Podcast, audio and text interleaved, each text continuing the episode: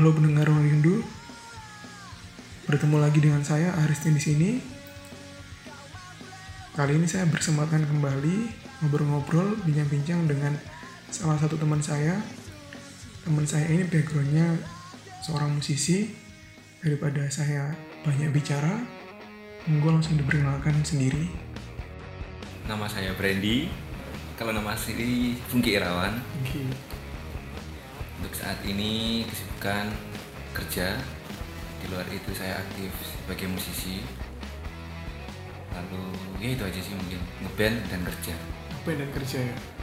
Eh, kalau ngomong-ngomong soal ngeband nih, langsung to the point aja ya.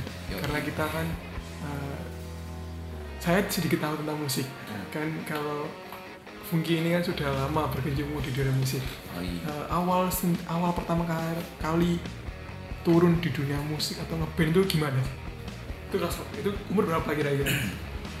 Kelas 1 SMP semester 2 itu pertama kali ngerasain sensasinya masuk studio. Nah, ngeband pertama kali sih itu. Cuma dua orang berdua doang. Karena sebenarnya sih rencananya berlima. Hmm, cuman tiga personilnya ini tiga personil lainnya nggak bisa datang karena terkendala transportasi. Hmm, ya udah akhirnya ngeband band. Band. masuk studio eh, ngerasain mainan baru loh Iya cuy iya. iya. pegang drum pegang gitar oh Ah. gini ya gitar ada distorsinya oh gini ya drum simbalnya lengkap gimana ya wis pokoknya ngalir dan jadi adiksi sampai sekarang sekarang Eh, untuk pertama kali mungkin ngeband kira-kira genre yang dibawa apa itu apa ngoper-ngoper lagu pop pop awalnya gimana? Pasti, pasti. pasti ya karena memang pertama nggak langsung Punya. bikin karya dulu kalau waktu itu sih kalau genre yang dibawa sih ini ya variatif ya variatif karena memang lingkungannya juga nggak salah nggak selalu sama seleranya gitu hmm. teman-teman SMP waktu itu seleranya lebih ke musik-musik mainstream ya Ah. you know Faketos, Iya, iya, iya. Studio 12 kayak gitu-gitu Ah, I see. Ya kalau pengen ngeband sama mereka ya otomatis ya mengikuti ini mengikuti selera mereka. Jadilah pertama kali ngeband tuh ya bawa bawain lagu itu cover cover lagu. Hmm. pop cuman kalau selera selera musik pribadi sih macam-macam. Hmm. kebetulan dari SMP dari SD mungkin udah dengerin Blink clean Blink Blink Green Day kalau Indonesia nya mungkin Rocket Rockers. Kalau di Bali ada Superman is Dead. Iya iya iya Berarti eh, menemukan eh sekarang genre yang dianut itu apa nih yang sekarang lagi-lagi apa ya? Eh, diikutin banget yang dijalani itu apa? Ya sejak SMA lah sejak SMA gabung dengan band indie. Nah di nah di situ pertama kali terjun ke skena musik indie. Hmm.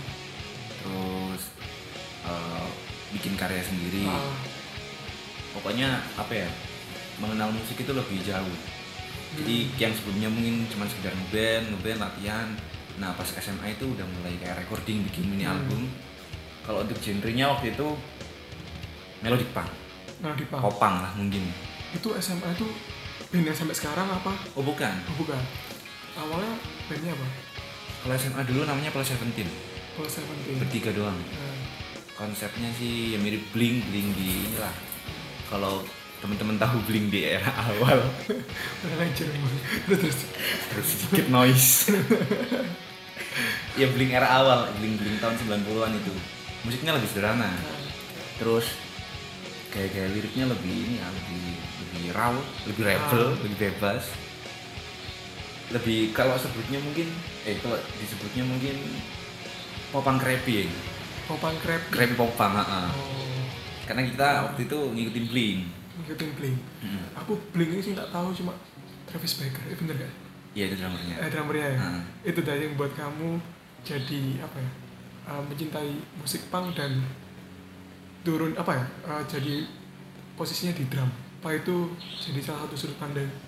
enggak sih kalau sebenarnya dari awal itu pengennya cuman ininya pengen ah, pengen bikin band jadi Awalnya. konser Oh. utamanya itu lebih kayak jadi musisi Hmm. nah kebetulan waktu itu semua teman-teman saya. Ya noise. semua teman-teman saya ini pada belajarin gitar. Kan nggak mungkin satu band gitaris semua. Ya wis lah akhirnya coba ngulik drum dan teman-teman ngasih support. Cocok lu main drum ya wis akhirnya main drum. Kalau masalah Travis Barker sih sebenarnya aku kalau seneng seneng seneng band itu nggak yang fokus ke satu instrumen jadi kalau Oh. Blink itu memang benar-benar kompleks aku seneng sama musik mereka seneng sama karakter mereka dan masing-masing personil itu Hmm. aku seneng apa ya aku suka gitu jadi ya kenapa jadi jadi popang ya Hmm. apa ya popang itu bebas Hmm. popang itu bisa dibawa ke mana-mana Ah. mau dikasih tempo pelan juga tetap popang kasih tempo middle juga Hmm. tetap popang bahkan di combine dengan ska pun nggak merubah identitas nah itu makanya Ah. luas Popang. Aku popang itu tahu popang SMP SMP karena ada Wiwi Gaskin. oh iya Iya.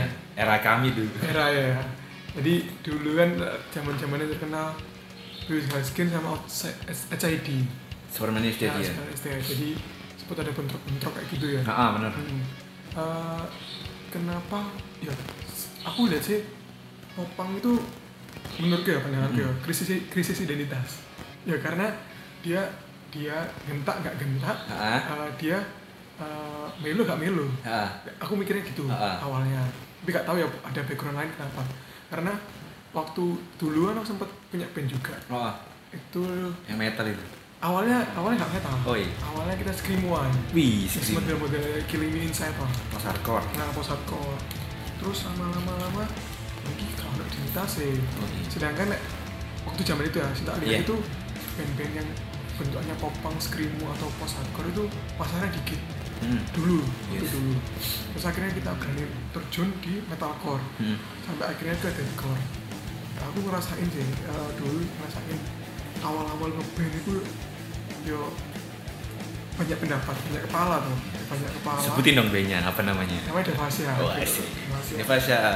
Iya. band dari seorang Aristin. Ah, kalau banyak mungkin itu tadi plus Seventeen dulu. Kalau sekarang? Oh kalau sekarang kalau sekarang fokusnya sama Radio Story itu popang terus aktif juga di Naked Brain itu hardcore. Hardcore. Hardcore. aku sih apa ya dulu zamannya ikut band-bandan sebenarnya genre sih tak tak pengen itu pengennya rock and roll. Rock and roll. Ya pengennya Beatlesan aku suka banget sama Beatles. Di Indonesia naif ya aku musik musik kayak gitu aku bisa dijual. Yes. pikirku kan Nah, tapi karena anak-anak pengennya ke screamo pengennya ke post hardcore atau uh, popang aku pengennya nanggung. Yang Hmm. penting langsung sekarang di get no hmm. pengen nonton pasar. Terus akhirnya kita regis-regis sebelum sebelum dikenal ya memang gak terkenal sih Iya. jadi kita uh, join ke sana-sana event-event sini Ah. sini. Sampai akhirnya kita punya panggung. Punya panggung ini dalam artian kita main ada yang datang ke depan buat headbangan nah aku ono puasa sendiri. Aku dulu ketika lagu ya lagunya sih untuk ukuran anak zaman segitu sih rada keras menurutku ya. Karena lagu-lagu sih di bawah. Itu adalah melihat ini melihat eh, kondisi ini. Eh, dulu awalnya saya aku bahas. Lagunya itu kebiasaan yang murtad. Wih. Jadi agama agama sih dibawa karena uh, saya lihat di Indonesia itu kan banyak kan uh, orang-orang minoritas itu terkadang uh, terkadang mungkin ada yang melihatnya rendah. Seperti itu. Tapi Ah. untuk sekarang sih saya kok mikirnya berhubung aku punya punya banyak teman-teman yang uh, yang muslim ya, menurutku ya itu mungkin idealisme idealisme aku dulu. Ya tak saring lah aku. Padahal nih teman-teman sing di bandku ya banyak kan yang terima tapi mereka terima jadi ini ya sedikit menyindir tentang oh bukan menyindir sih mungkin lebih mengangkat plu apa? Pluralisme, pluralisme. Wah, ah, Durian. cuman dengan media deadcore. Deadcore, deadcore. Terus eh, sekarang aku ini di sudut pandang hmm. seorang mungkin ya ngeband dalam ngeband dengan genre punk ya dengan genre punk eh, sudut pandang hidup itu mempengaruhi gak sih? Misal yang tak tahu kan punk itu eh, menuntut kebebasan yang pertama ah yang kedua anti kemapanan gak mana-mana Hmm, hmm. terus eh, pang itu saya tak pikirkan ya sebenarnya pang itu eh, idealisme tinggi itu gimana kira-kira itu mempengaruhi ya? memandang hidup pasti itu mempengaruhi karena pertama ketika kamu terjun dalam sebuah band gitu ya Hmm. dan mengusung genre tertentu setiap genre itu punya karakter masing-masing Hmm. kebetulan yang tak jalani ini kan lebih melodic punk kalau melodic punk itu lebih gimana ya? Kalau kalau tentang liriknya mungkin ya gambaran liriknya mungkin dia lebih sederhana lebih ngomongin tentang ya kisah-kisah keseharian. Cinta gitu? Ya macam-macam. Ya cinta persahabatan utang iya iya iya kita nggak lepas dari utang pokoknya apa ya? Ya kehidupan sehari-hari. Ah. Nah sudut pangnya, eh sudut pandang pangnya gimana? Jadi di setiap apa namanya, setiap kalimat-kalimat itu mungkin pertama dia lebih lugas. Ah. Dia kayak ngomongin tentang kehidupan, ngomongin tentang rutinitas lah. Hmm. Nggak terlalu ini menggunakan kalimat yang bertele-tele gitu loh, kayak lebih lu- lugas nyampeinnya. Itu mungkin sudut pangnya. Jadi kayak kalau berpengaruhnya ya, ya pasti ya mungkin karena menurutku ini ya, menurutku menurut pemahamanku pang itu ideologi ideologi ideologi kayak berpikir bagaimana caranya kamu bisa menjadi diri kamu sendiri di tengah masyarakat. Itu sih. Itu yang garis besar yang selama ini aku pahami. Jadi kamu nggak selalu terpatri sama sama apa ya? Sama aturan mungkin. Hmm. kamu bisa luas jadi apa pun. Iya itu mungkin menurut pemahaman tentang pang sendiri. Yang pada akhirnya juga ketika aku nulis lirik itu juga ke bawah otomatis kan ketika kita nulis lirik kan kita terinspirasi dengan kehidupan pribadi. Hmm. nah itu jadi kayak ada korelasinya. Berarti eh, secara garis besar sebenarnya musik punk ini ya apa ya eh, idealismenya tinggi sih? pasti. Pasti ya? Idealisme tinggi. Jadi eh, ya orang sih nggak senang ya sudah nggak usah didengerin Ah, gitu kan nggak senang ya monggo kan tapi kan banyak kan orang-orang sekarang itu kan ikutin pasar. Semua diikutin yuk. Dari dulu sih kayaknya. Iya dari dulu.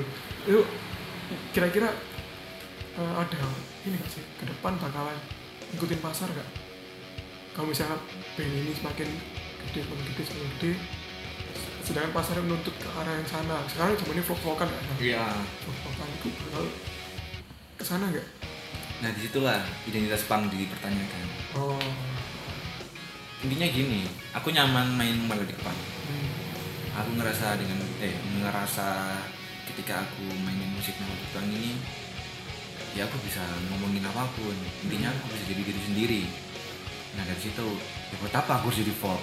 Buat Iya. apa aku harus ke genre-genre lain gitu Nah, jadi ya mungkin aku lebih ke ini ya kalau untuk genre mungkin lebih prefer ke popan. Popang cuman kalau untuk di Naked Brain itu kan hardcore aku lebih pengen ini sih mengasah kemampuan atau skill bermain Oh. drum karena hardcore itu kan lebih lebih apa ya mungkin lebih rumit hmm. lebih rumit lebih menantang nah, nah di situ kayak aku pengen konser untuk menata skill Hmm. tapi ketika di melodic punk di radio story aku pengen kayak yang kayak bercerita Hmm. dibungkus dalam sebuah lagu Ya, kayak ya. gitulah mungkin terus eh, skena skena musik Hmm. indie saat ini gimana? Apalagi kayak gini keadaan sekarang. Kalau sebelum ada pandemi ini ya. Ini kita ngobrol di Nah. era pandemi ini. Ya. sebelum ada pandemi ini cukup variatif. Ah, Eh, media sosial udah semakin mendukung. Hmm. banyak bermunculan genre-genre baru. Atau mungkin genre lama yang dikemas dengan nuansa baru. Ya jadi kalau intinya sih itu variatif. Cuman kalau spesifiknya genre apa yang bermunculan sekarang ini kayak mungkin rock and roll semacam kelompok penerbang roket oh iya. itu naik lagi. Itu kan sebenarnya udah terkenal di era-era 2000 di era 80-an ini koreksi ya barangkali teman-teman ada yang tahu. Iya, jadi kayak di red rock itu udah lebih ada dulu di tahun-tahun 80-an sekarang naik lagi karena Hmm. karena dikemas dengan apa ya dikemas dengan media yang lebih bagus lagi Hmm. terus untuk musik-musik psychedelic kayak udah dikemas lagi ininya variatif sih itu aja sih Hmm. jadi kayak semua kalangan itu udah bisa unjuk gigi Hmm. udah bisa jadi diri sendiri dan didengar banyak orang dan masyarakat pun kalau dulu mungkin lebih mengerucut ya Hmm. apa yang dilihat di TV yaitu yang disukai masyarakat kalau sekarang kan ya itu tadilah ada YouTube. Hmm. ada platform-platform digital yang yang di mana pendengar bisa memilih dengan bebas Iya. apa yang memang dia suka. Jadi kalau ngomongin skena sekarang ya beragam. Karena memang penikmatnya juga beragam. Jadi dari skena dari penikmat juga opsinya udah lumayan banyak. Asik sih asik sih menurutku kalau ngomongin skena ya skena itu gimana ya? Maksudnya itu kan kita pilihan tuh dengan berbagai macam genre. Kalau aku sebagai pendengar kan ya yes. sebagai pendengar kan aku milih kira-kira musik mana ini yang cocok tak denger kan. Heeh. Nah, terus aku misalnya gini aku suka nih punk. Hmm. suka punk. Aku juga gabung komunitas punk. Yoi. Aku join di sana kalau misalnya adil nggak sih? Kalau kita- aku tiba-tiba dengerin musik vlog terus itu menurutmu gimana? Maksudnya identitasnya seorang apa ya, eh, apa ya? Adil-adil aja sih adil-adil aja ya? Nggak ada masalah ya sebenarnya? Nggak ada karena lebih ke ngomongin kemanusiaannya sih kalau itu ya menurut Ha. karena mungkin karena dia mungkin di skena punk itu dia ngerasa nyaman Hmm. dia ngerasa ketemu teman yang sefrekuensi Hmm. nyambung dari segi obrolan dan kayak apa ya, kayak hidup mungkin jadi dia lebih banyak nongkrong di sana tapi mungkin ketika dia pulang ya barangkali dia lagi patah hati mungkin Iya, iya. terdengar lagu-lagu pakai Ya. Iya nggak ada salahnya kan? ya ya ya Itu sih nggak ada salahnya menurutku. terus terus ini eh, selain terjun di dunia musik mungkin ada hobi lain sekarang lagi digelutin Kalau selain musik ya mungkin blog kalau dulu sempat ngeblog hmm. blog sempat blog terus publish dipakai dipublish tapi lama-lama aku ngerasa blogku ini lebih personal Hmm. jadi kayak tetap tak publish cuman nggak nggak tak share di sosmed gitu. semacam kayak jurnal lalu aku apa namanya aku unggah di blog Hmm. tapi karena gimana ya kalau teman-temanku sekarang baca kok kayak jangan dulu deh. Hmm. cuman aku ada planning sih bro mungkin kalau di usia 28 tahun aku kehidupan udah jauh lebih baik mungkin Ya. ya. Kayaknya asik deh bikin buku. Bikin buku? Bikin buku. Eh, kenapa nggak dimulai dari sekarang aja? Mungkin lebih ini ngumpul ngumpulin materi dulu. Oh eh, part-partnya dulu. Gitu Yo, iya bener. dirangkum dalam buku. Gitu niatnya sih gitu. Oh. asik kayaknya terus ya aku sih ngeblog juga loh nah tapi kan ya, ngeblog dulu kan perasaan sebelum podcast ini iya ngeblog dulu tapi ngeblog itu kan ya terkadang kebanyakan itu ngomong tentang keresahan sih jadi kalau misalnya eh, ada kondisi politik kayak gini iya. sudut pandangnya orang seperti apa Hmm.